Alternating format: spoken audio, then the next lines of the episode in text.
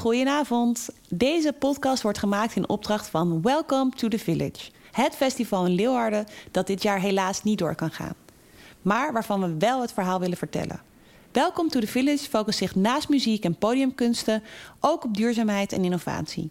In het kader daarvan gaan we het vandaag hebben over twee start-ups die in 2018 hun prototypes hebben getest tijdens dit festival. We spreken in deze podcast met Dieter en Jolijn. Dieter, oprichter van Greener, een groene start-up die duurzame batterijen maakt als vervanging van vervuilende dieselgeneratoren. En met Jolijn, die weer een totaal ander bedrijf heeft, namelijk de sociale start-up van Hully. Zij maken mondkapjes en boxershorts van restpartij textiel en oude overhemden, gemaakt door vrouwen met een afstand tot de arbeidsmarkt. Mijn naam is Linda Vermaat en ik ben de directeur van Innovest. Innovest helpt sinds 2019 innovatieve ondernemers met het maken van impact. Dit doen wij door hen de kans te geven om hun prototypes te testen tijdens muziekfestivals of andere locaties waar een zo realistisch mogelijke testsetting kunnen nabootsen. Door in zo'n live omgeving te testen halen ondernemers cruciale informatie op. En op deze manier helpen wij deze start-ups om hun product of dienst verder te verbeteren op weg naar een succesvolle marktlancering. Want een idee is een idee, maar uiteindelijk wil je echt in de handen komen van de consument. En hoe gaat het dan eigenlijk? Dieter, Jolijn, welkom. Tof dat jullie hier zijn. Laten we meteen beginnen maar met uh, wie ben je, waar zit je en wat doe je? Dieter. Ja, dank, dankjewel Linda. En uh, hoi Jolijn.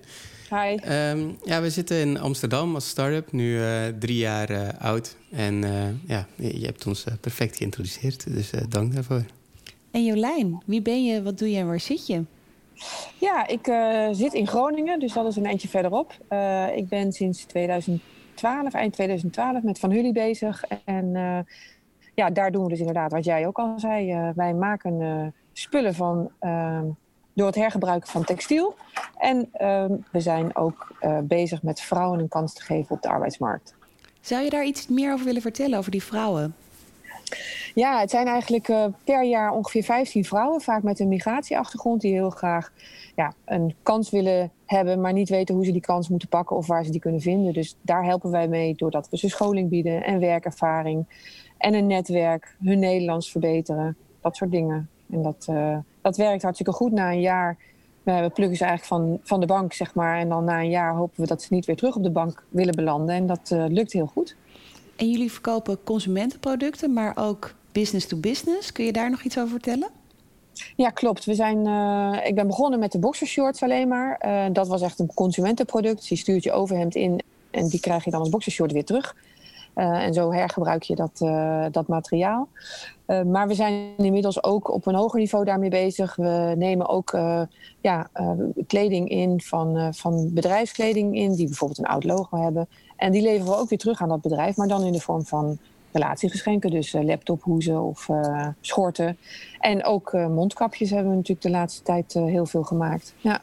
En Dieter, dus als je nu hoort wat Jolijn doet, heeft dat helemaal niks met een festival te maken. Jouw product wellicht wat meer.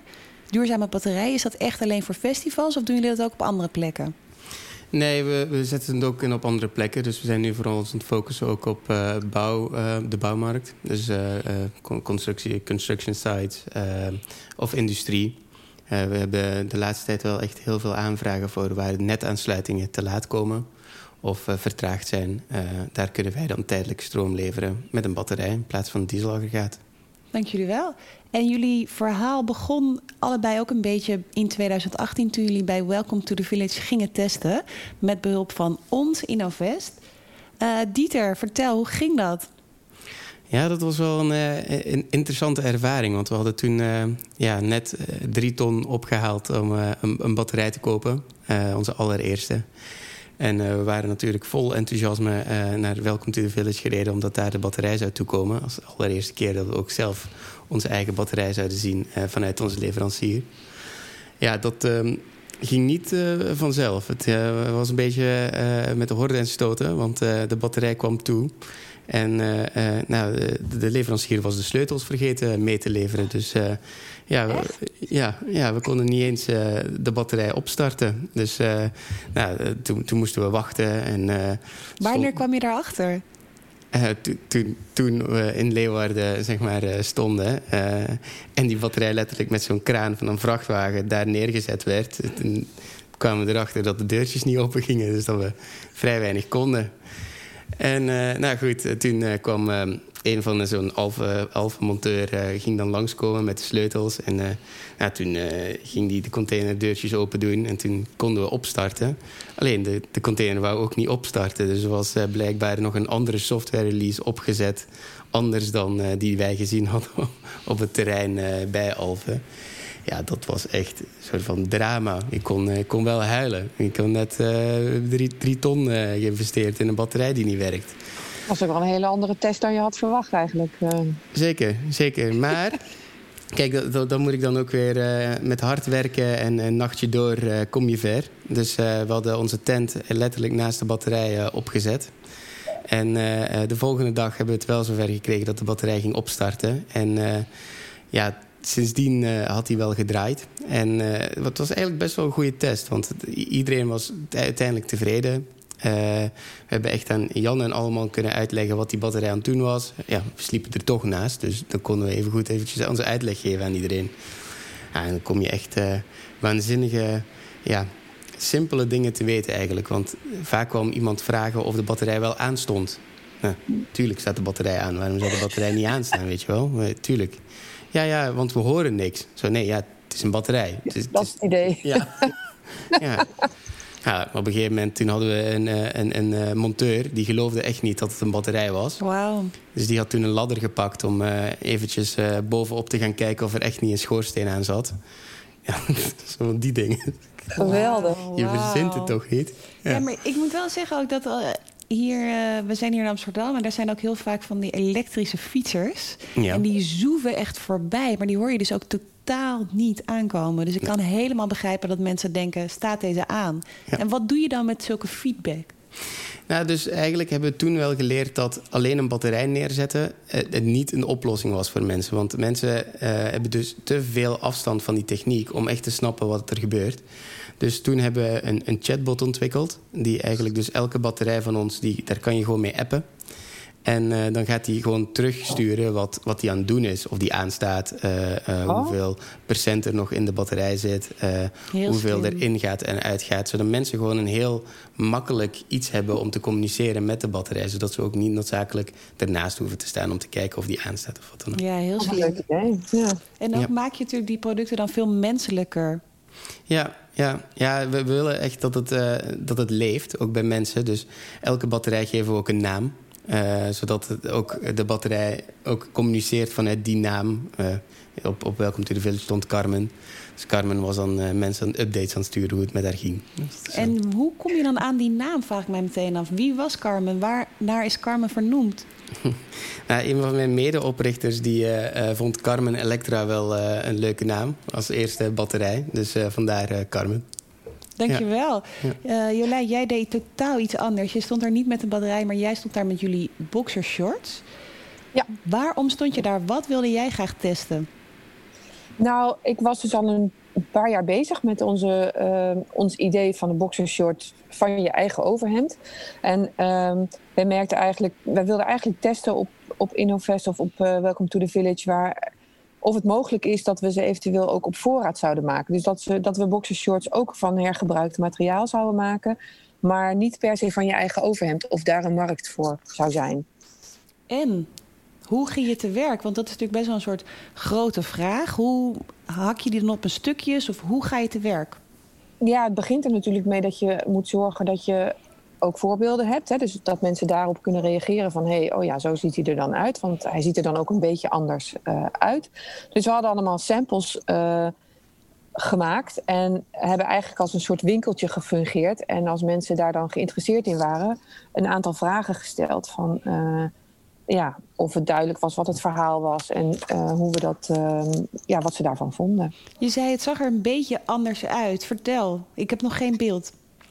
Ja, nou, als je een overhemd van je eigen, of een boxershort van je eigen overhemd uh, maakt, is hij natuurlijk van dat hele overhemd gefabriceerd. Maar als je op voorraad wil gaan produceren, moet je zorgen dat je het ook echt in volume kan gaan produceren. Want dan ga je natuurlijk veel meer als een soort retailer en niet als een soort gadget uh, um, gedragen. Dus je zit dan ook veel meer in de markt van het ondergoed ehm, eh, te bewegen dan dat je een cadeautje of een bijzonder overhemd toevallig zelf in de kast hebt hangen. Dus dat betekent dat je eigenlijk het model ook zo snel mogelijk zou moeten kunnen maken en niet uit één overhemd. Dus we hebben eigenlijk een soort patchwork-achtige samples waarbij je verschillende stoffen gebruikt. Nou ja, het is een beetje technisch om verder te, uh, over uit te wijden, maar ik, hij zag er echt wel anders uit. En dat maakte ook wel dat het interessant was om te kijken van hey, hoe, hoe reageren mensen er dan op. Ze hebben wel één kleur, maar wel met verschillende patroontjes. Ja, ik herinner mij dit nog. Ik vond het best leuk, want er waren gewoon verschillende ja, uh, ja, patternen en, en verschillende kleurtjes in één box. Ja. ja, echt lachen hoor. Ja, ja, je blijft natuurlijk nog steeds een uniek exemplaar dan elke keer. Maar het bestaat wel uit uh, zeg maar een uh, rechter voorpand uit uh, Winschoten en een linker achterpand uit Den Haag of zo. ja. En waarom was Welcome to the Village hiervoor dan een goed festival? Nou, Welcome to the Village heeft wel echt een accent op duurzaamheid. En um, ook de, ja, dat merk je ook aan de mensen die er uh, komen. Dat hebben we ter plekke ook wel gemerkt. En ik vond dat ook wel heel interessant om juist dat aspect te gaan, uh, ja, uh, te gaan testen. Want als je dus dit soort boxershorts op grotere, in grotere volumes gaat, uh, gaat produceren, dan betekent dat ook direct dat je op duurzaamheidsgebied veel grotere stappen kunt maken. Terwijl wij hiervoor uh, veel meer op het sociale aspect hebben gezeten, namelijk met de vrouwen. En als je natuurlijk dat duurzaamheidsaspect wat meer uh, benadrukt, doordat je veel meer volume gaat produceren en dus een veel groter verschil kunt maken in het oplossen van die enorme textielberg, ja, dan um, dan doe je eigenlijk dat andere deel nog beter. Nou, voordat we daar nog dieper op ingaan, uh, wil ik je, Dieter is al zo vrij geweest om enkele van zijn fouten te delen. Wat ging er bij jullie heel anders dan je van tevoren had gedacht? Um, nou, wij hadden wij merkten wel dat mensen. We hebben geprobeerd om te kijken van hey, zou je dan. Want we hebben natuurlijk om dat op te starten ook een soort. Uh, uh, ja, dachten van nou, misschien dat je een soort voorverkoop zou kunnen doen. Dat je dus een bestelling doet voor een boxershort alvast. En mensen waren daar toch wat uh, minder enthousiast over. ik denk dat dat ook te maken heeft met. Ja, je, je loopt daar eigenlijk door een winkeltje. We zaten tussen allerlei andere producten, dus dan wordt het weer een ander verhaal. Dus we hebben dat wel een beetje omgegooid op dat moment van we gaan niet per se kijken van hey, is die financiering op deze manier ook toetsbaar? Maar we hebben echt gevraagd van maar wat vind je van de boxer zelf? Zou je hem willen hebben als hij in de winkel lag of als je hem online zou kunnen bestellen? En um, zo ja, wat vind je daar dan? Uh, waarom vind je dat? Uh, vind je dat belangrijk. Dus je bent gewoon heel creatief, je hebt gewoon je hele testvraag eigenlijk uh, aangepast ter plekke. We hebben het wel een beetje aangepast, ja ja, we hadden dus ook verwacht dat we veel meer voorverkoop zouden gaan doen. Maar we hebben eigenlijk veel meer de vragen, zeg maar de, het rekje met die boxershorts gebruikt als aanleiding om te polsen van hé, hey, hoe kijk je er tegenaan? En wat was opvallend? Ja, wat opvallend was, um, of misschien ook wel wat ik net zei, omdat het zo op duurzaamheid wel uh, een accent heeft, kwam dat er ook uit. Wij zijn heel erg bekend geweest vanwege wat wij doen met de vrouwen. Maar als ik vroeg aan de mensen van uh, wat vind je het belangrijkste aspect, dan was eigenlijk van de drie dingen die we hadden voorgelegd, was duurzaamheid eigenlijk het belangrijkste. En daarna het sociale verhaal en daarna pas uh, eigenlijk hoe die eruit zag. Wauw. Ik denk dat dat ook best wel belangrijk is. Maar dat betekent toch wel, en dat is wel fijn om te merken. En dat zie je natuurlijk in de afgelopen twee jaar na dit uh, festival ook al zo toenemen op textielgebied. Dat, uh, mensen bij aanschaf van hun kleding daar zoveel meer over letten, uh, op letten. Daar, uh, dat werkt ons alleen maar in de hand wat dat betreft. Maar dat zagen we op dat festival ook al wel. En dat zijn toch een beetje de voorlopers. Ja, en Dieter, dat zie je volgens mij in jullie business ook. Ik weet dat jij zei dat toen jullie begonnen... was er bijna ook nog bijvoorbeeld geen elektrische auto. Nou, nu zijn echt ook hele grote merken daar ook in gestapt. Kun je ons een beetje meenemen naar hoe die trend gaat... met rondom de duurzame energie? Ja, dus als je eigenlijk kijkt naar uh, het allereerste idee die wij... toen wij begonnen zeg maar, met het idee, dat was 2014. Ja, toen was er echt bijna nog geen enkele elektrische auto. Um, nu denk ik dat de helft van de elektrische auto's die verkocht worden... of de helft van de auto's in Nederland die verkocht worden... zijn gewoon elektrische auto's. Ja, dan, daarmee creëer je dus al gewoon uh, dat elke auto is eigenlijk ook een beetje een, een, een uh, opslagsysteempje van energie. En um, als je dan gaat kijken naar de impact daarvan, op wat er mogelijk voor impact zou kunnen hebben op onze maatschappij, ja, dat is gigantisch. Want je zou gewoon kunnen zeggen: kijk, um, wij steken dan nu in containers, on, onze opslag. Maar als iedereen naar uh, de festivals komt met die elektrische auto's, kunnen we daar dan niet een systeempje rond ontwikkelen zodat die gebruikt kunnen worden om de stroom te leveren. Want die komen er toch al naartoe. Wauw. Ja, dat, dat, dat, dat, geeft allemaal nieuwe ideeën en uitdagingen. Um, ja, en dat, dat maakt gewoon de, de, tijd waarin we nu leven zo leuk. Want ja, er zijn allemaal oplossingen te bedenken die echt twee jaar geleden nog niet eens uh, uh, in, in de kinderschoenen stonden. Nou ja, wij reden toevallig gisteren uh, vanuit onze opa en oma, die wonen in België, reden we hier naartoe. En toen zagen we ook zoveel Tesla's op de weg. En toen zei mijn man, volgens mij waren die vorig jaar de meest verkochte auto in Nederland. Ik heb het niet gecheckt, maar het zou wel echt bizar zijn als dat zo zou zijn natuurlijk. Het is zo. Het is zo? Ja. Oké, okay, gelukkig, gelukkig. Ja. Ja. En ik ben ook erg benieuwd, waarom trekt jullie dit zo aan? Dus uh, Jolijn, weet je, waarom heb jij zo'n sociaal hart? Waarom ben je begonnen om te kijken van wat voor verschil kan ik doen voor die vrouwen? Ja, in mijn geval is dat eigenlijk is het wel begonnen echt met dat idee van de boxershorts. En dat is best wel. Ik ben dan bekend als een soort van sociaal ondernemer en dat is ook prachtig. Maar mijn nieuwsgierigheid van jeetje, die boxershort, dat is leuk. Wel met van dan gaan we dat meteen lokaal produceren, dat is mooi. Uh, en dan is het dus werk wat, uh, waar je helemaal geen scholing voor nodig hebt. Dus dan is mijn, misschien mijn sociale hart wel zodanig dat ik dan denk van ja, dan ga je mensen natuurlijk een kans geven die, uh, dat, ja, die je dat zou gunnen.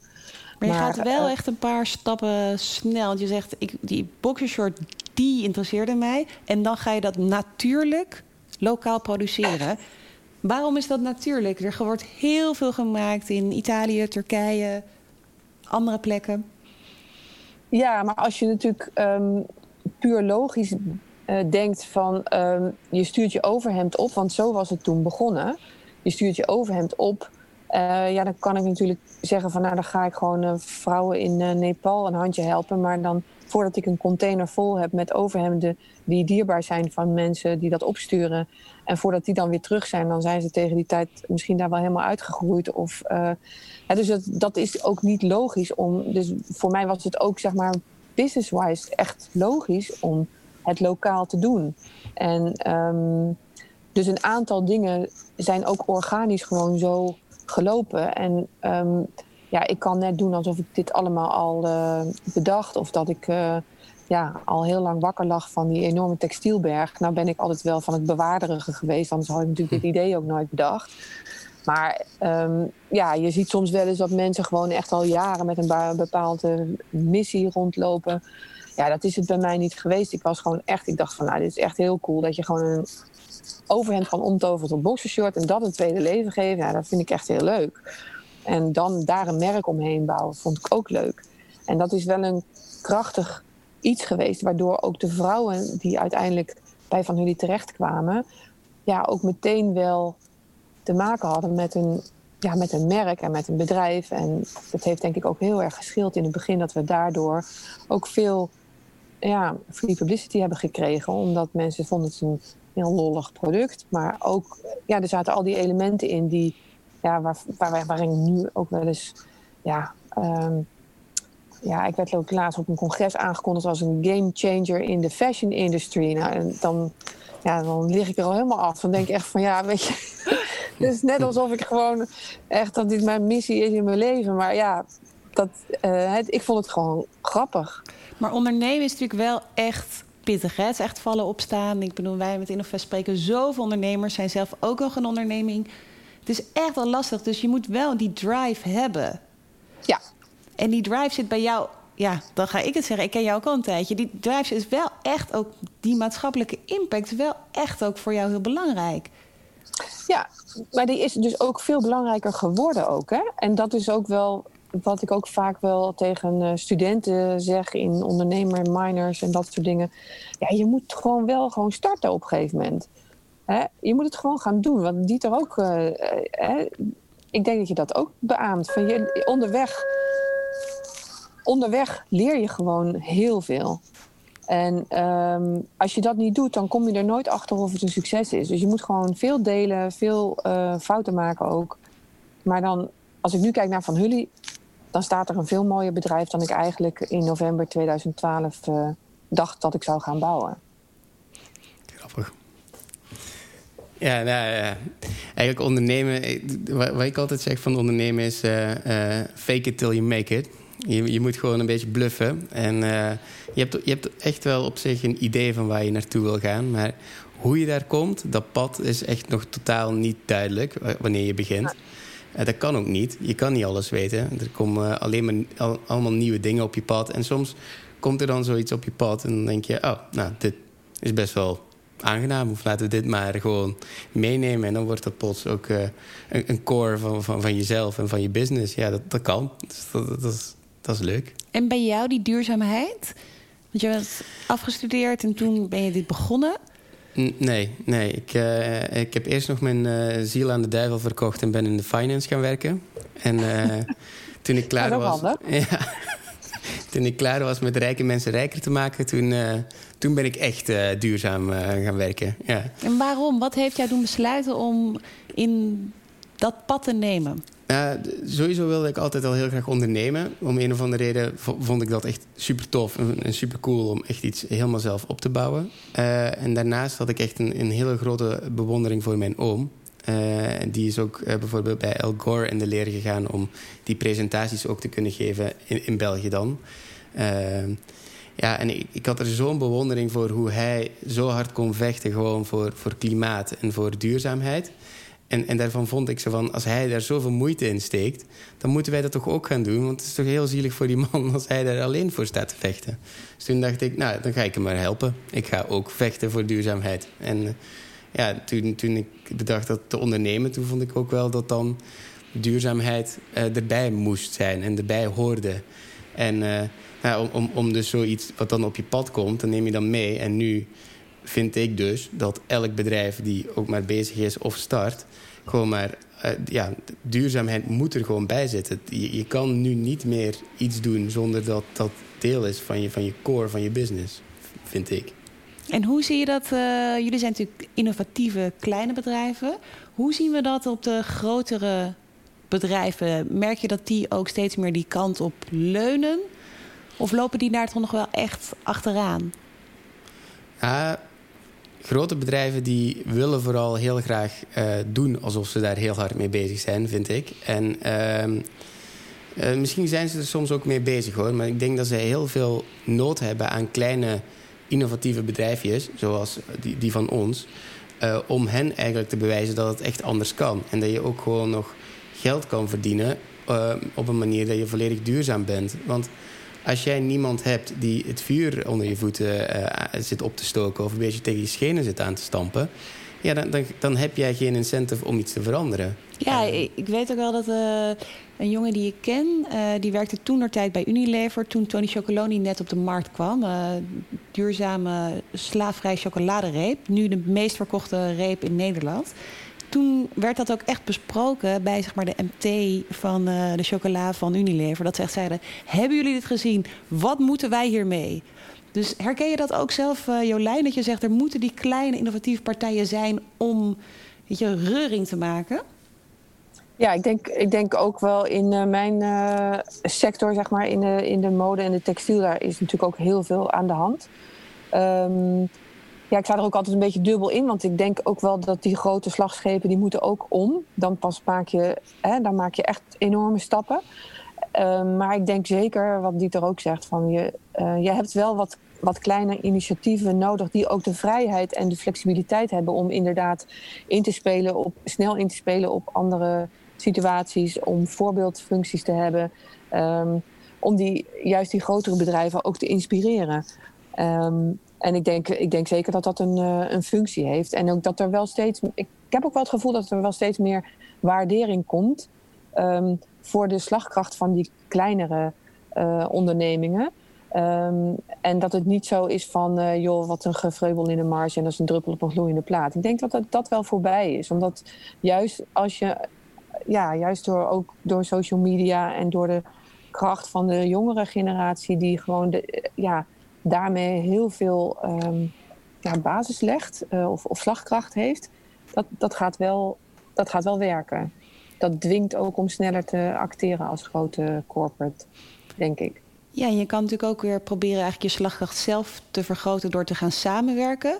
Zo begreep ik Jolijn dat jullie ook uh, zijn gevraagd om zeg maar, schorten te maken, omdat er tekort was uh, op schorten in ziekenhuizen. En zijn jullie eigenlijk ja. met verschillende ateliers, die eigenlijk net als jou allemaal zo'n doelstelling hebben om te werken met mensen uh, met een verdere afstand van de arbeidsmarkt. Hoe gaat ja. dat? Want in eerste instantie klinkt dat ja, maar dat zijn toch concurrenten? Ja, nou ja, ik denk dat als je klein bent, dat je dan ook wel ziet wat je beperkingen zijn. En als je vervolgens ook een gezamenlijk doel hebt, namelijk dat je iets van uh, de maakindustrie terug zou willen brengen naar Nederland, zodat, hè, zodat je ook wat mensen uh, daarmee verder kunt helpen of aan een baan zou kunnen helpen. Ja, dat is een overstijgend doel, wat ook al die losse ateliers ook overstijgt. Dus dat, en dat was ontzettend leuk. Dat hebben we inderdaad gedaan met twee andere ateliers in, in Nederland. En dat was een tekort uh, aan, aan van die protectieschorten in de zorg. Dus dat was echt verre van duurzaam, want dat is allemaal weg. Allemaal wegwerpmateriaal. En nu blijft zij heel even hangen. Oh, dus ja, sorry, je viel heel even weg. Zou je oh, die laatste zin nog één keer willen herhalen? Um, het ging over dat de schorten zijn verre van, want het zijn allemaal wegwerpmateriaal, ja. dus verre van duurzaam. Ja, verre van duurzaam. Maar voor ons was het belang om te kijken van wat kunnen we nu wel uh, als we samenwerken, wat zouden we dan voor, uh, voor volumes aankunnen? En dan is dat het overkoepelend doel en dan moet je die andere dingen even opzij zetten. En het is wel wat dat betreft ook heel leerzaam geweest van als, als signaal van daar hebben we uh, wat kunnen leveren. Dankjewel. en als we kijken naar jouw toekomstbeeld, dus Jolijn is aan het opschalen alleen of met andere partijen. Hoe zie je jouw toekomst voor je? Komen er dadelijk heel veel Carmens, Anita's, uh, Rianna's en Kezen? Wat ga je doen? Kees is wel een heel uh, Nederlands naam hoor. Uh, nee, wij, uh, onze visie is eigenlijk dat wij nu nog een investeringsronde gaan doen... om echt nog eens serieus uit te breiden in aantal batterijen. Gewoon om meer slagkracht te hebben. Maar dat we uiteindelijk wel ook gaan samenwerken met andere bedrijven... die dan of tenminste de, de grotere bedrijven die nu veel dieselgeneratoren hebben, die veronderstellen wij dat zij ook wel batterijen gaan kopen. En wij hopen dan dat we daarmee kunnen samenwerken om dan onze service en software ook bij hun aan te bieden. Uh, en dat zij dan die investeringen gaan doen in de batterijen vanaf dan. Waarom zou dat voor hun interessant zijn? Uh, uh, als start-up sta je altijd 1-0 achter als je financiering wilt ophalen. Omdat je gewoon, ja, de banken vertrouwen het minder dan als je een groot bedrijf bent. Dus als wij moeten blijven investeren zelf in al die assets, ja, dat, dat, dat gaat gewoon niet. Dus wij, wij hopen echt wel dat uh, grotere bedrijven dan wel die samenwerking aandurven. Omdat wij dus bewezen hebben van het kan anders en, en het werkt allemaal. Uh, op onze manier of op een andere manier, dat, dat maakt dan niet uit. Maar wij kunnen wel heel goed met onze software alles aansturen. En, en dat hebben zij nog niet ontwikkeld. Dus nee, precies. Dus dat is echt de toegevoegde waarde. Dat in plaats van dat zij dat allemaal zelf moeten ontwikkelen, zouden ze dat dan bij jullie inkopen? Of zouden ja. ze dan, dan zich inkopen in jullie bedrijf? Hoe zou je dat idealiter Nee, ik zou zeggen gewoon als een, een, een, software as a service. Dus dat wij dan gewoon echt onze software aan hun uh, leveren en dat zij die kunnen gebruiken. Wauw, nou spannend. En wanneer gaat dit gebeuren? Om even een soort uh, punt op de horizon. Wanneer denk je die software as a service wordt gekocht en gebruikt? Over uh, twee, drie jaar. Over twee, drie jaar. Ja. En Jolijn, wat zie jij als je kijkt over twee, drie jaar? Ja, je had waarschijnlijk nu ook totaal niet kunnen zien dat je nu mondkapjes zou maken. Maar hoe, hoe, zou, dat, uh, ja, hoe zou dat eruit zien? Nou ja, ik denk wat onze uh, focus is echt dat we uh, proberen met die bedrijfskleding ook echt stappen te gaan maken. Zodat, we, zodat dat ook want dat is natuurlijk een enorme verspilling ook. En daar kun je gewoon ook nog echt veel mee, uh, doen. Dus mijn focus is daar ook op. En ik denk dat we ook daarin uh, de samenwerking altijd wel zullen kijken of dat dat samen met andere ateliers zouden kunnen doen. Waardoor ja, mensen niet voor hun kerstpakket naar uh, allemaal meuk uit China gaan kijken. Maar juist van hé, hey, lokaal en um, verantwoord en ook met materiaal wat gewoon toch al bestaat. Dat je daar iets, iets zinvols mee doet. Dankjewel. Uh, we hebben heel wat geleerd en inzicht gekregen in jullie twee bedrijven. Heel graag aan jullie nog de vraag: wie staat er heel erg in jullie, ehm, hoe zeg je dat, gezicht? Of wie moeten wij nog kijken? Als je, welke tip hebben jullie voor ons? Dat is de zin. Welke tip, we hebben net wat geleerd over jullie. Welke tip hebben jullie voor ons? Welke start-up is echt de moeite waard om eens te gaan bekijken? Um, wel, ik heb een hele leuke. Uh, die, die zijn ook begonnen in Delft. Uh, die heet Kite Power. En uh, wat zij eigenlijk doen is met, een, met een, ja, een, kite, dus van kitesurfen, leveren zij eigenlijk, of wekken zij energie op. En het is super flexibel en, en mobiel. Dus je zou zelfs gewoon met, met een systeem van hun, als ze het helemaal voor elkaar krijgen natuurlijk, volledig welcome to the village van stroom kunnen voorzien samen met een batterij van ons lokaal opgewekt. Dus dat is super tof. Wauw. Wauw, dat zou heel erg tof zijn. Ja. En hoe, hoe staan zij in hun ontwikkeling? Um, wel, op dit moment zijn zij aan het testen. Dus ze zijn al aan het vliegen. Uh, ze, zijn, ze hebben eigenlijk een autopilot die dan die, die kite bestuurt. En uh, ja, ze, ze zijn onze batterij wel al aan het vullen met stroom. Alleen, uh, ja, ze, ze, zijn nog een beetje bang dat de kite kan crashen. Dus daar moeten ze nu gewoon uren voor maken en vliegen, vliegen, vliegen. Zodat daar 100% zekerheid komt dat het allemaal goed gaat. En om hoeveel uren gaat dat, pak een beet? Heb je daar enig idee van? Nee, maar ik denk gewoon uh, weken. Weken, maanden, ja. jaren. Ja. Jolijn, wie uh, denk jij, uh, die kun je wel eens in de gaten gaan houden? Want dat is echt een toffe. Ja, ik ben zelf een enorme fan van uh, Oma Post, van Wilbert van der Kamp. Die ook allerlei andere dingen doet. Maar Oma Post is wel echt een heel sympathiek bedrijven die eigenlijk uh, ja, door middel van het sturen van uh, kaartjes probeert ook uh, ouderen met eenzaamheid uit hun eenzaamheid te helpen. En dat is een hele sympathieke um, vorm, maar ze doen daar ook allerlei andere um, manieren hebben ze daarvoor. Ik heb een keer aan een bingo meegedaan in een, in een bejaardenhuis. Nou, dat is echt helemaal geweldig. En ik zou me zo kunnen voorstellen dat Welcome to the Village daar ook een heel mooi ja, een, een, mooie plek voor is. Omdat dat ook lokaal is. Omdat je daar dus ook heel makkelijk mensen uit de omgeving die uh, dreigen te vereenzamen. En al helemaal in deze tijd. Um, ja, dat je daar in de toekomst echt wel wat mee, uh, mee zou kunnen op, uh, op zo'n festival. Ja, ook als ik kijk naar mijn ouders, als wij ook een kaartje sturen via Oma Post, wat we ook veel hebben gedaan in de afgelopen periode, dan krijg je altijd een appje van... kijk eens wat ik heb ontvangen. Zo'n hele grote glimlach. En je kan zelf dus een foto kiezen. Nee, echt super mooi initiatief. Dat is echt heel mooi. Nee, mijn moeder is ook uh, enorme fan. Uh, alle, alle, kinderen en kleinkinderen die, uh, die sturen. Ze heeft echt, nou ja, stapels vol. Ze moet iedere keer weer kiezen welke ze dan bij de ingang gaat ophangen. er hangen allemaal van die vierkante oma-postkaartjes als je bij haar binnenkomt. Ja. En uh, wat misschien nog leuk is om te zeggen is dat uh, Wilbert, oprichter van Oma Post, uh, ook een van onze innovatie-experts is. Die helpt dan ook echt onsite met het helpen van de testvraag van tevoren natuurlijk formuleren en onsite echt het ja, uitdagen van de start-ups. Dus het is waanzinnig dat hij daar ook bij betrokken is. Dan gaan we nu afronden of naar de afronding. En dat is de, naar alle mensen die luisteren. Hoe kunnen zij jullie helpen? Um, wel, ik zou aan alle mensen willen vragen... Uh, als jullie ergens lopen of uh, uh, rijden of, of aanwezig zijn... en jullie zien gewoon een dieselaggregaat staan... loop er eens even naartoe en tik iemand aan en vraag eens... hey, waarom staat hier een dieselaggregaat en doen jullie dat niet slimmer? En verwijs ze dan maar gewoon lekker naar onze website, greener.nl. En dan zullen ze ons moeten contacteren om eens te vragen... hoe kan dat dan anders? Dankjewel. Jolijn. Ja, ik zou het heel leuk vinden als uh, het verhaal van Van jullie nog verder verteld uh, kan worden. Dus uh, iedereen die een tennisclubje, een rotary of een ontbijtsessie met zijn bedrijf wil opvrolijken met een verhaal over wat we doen.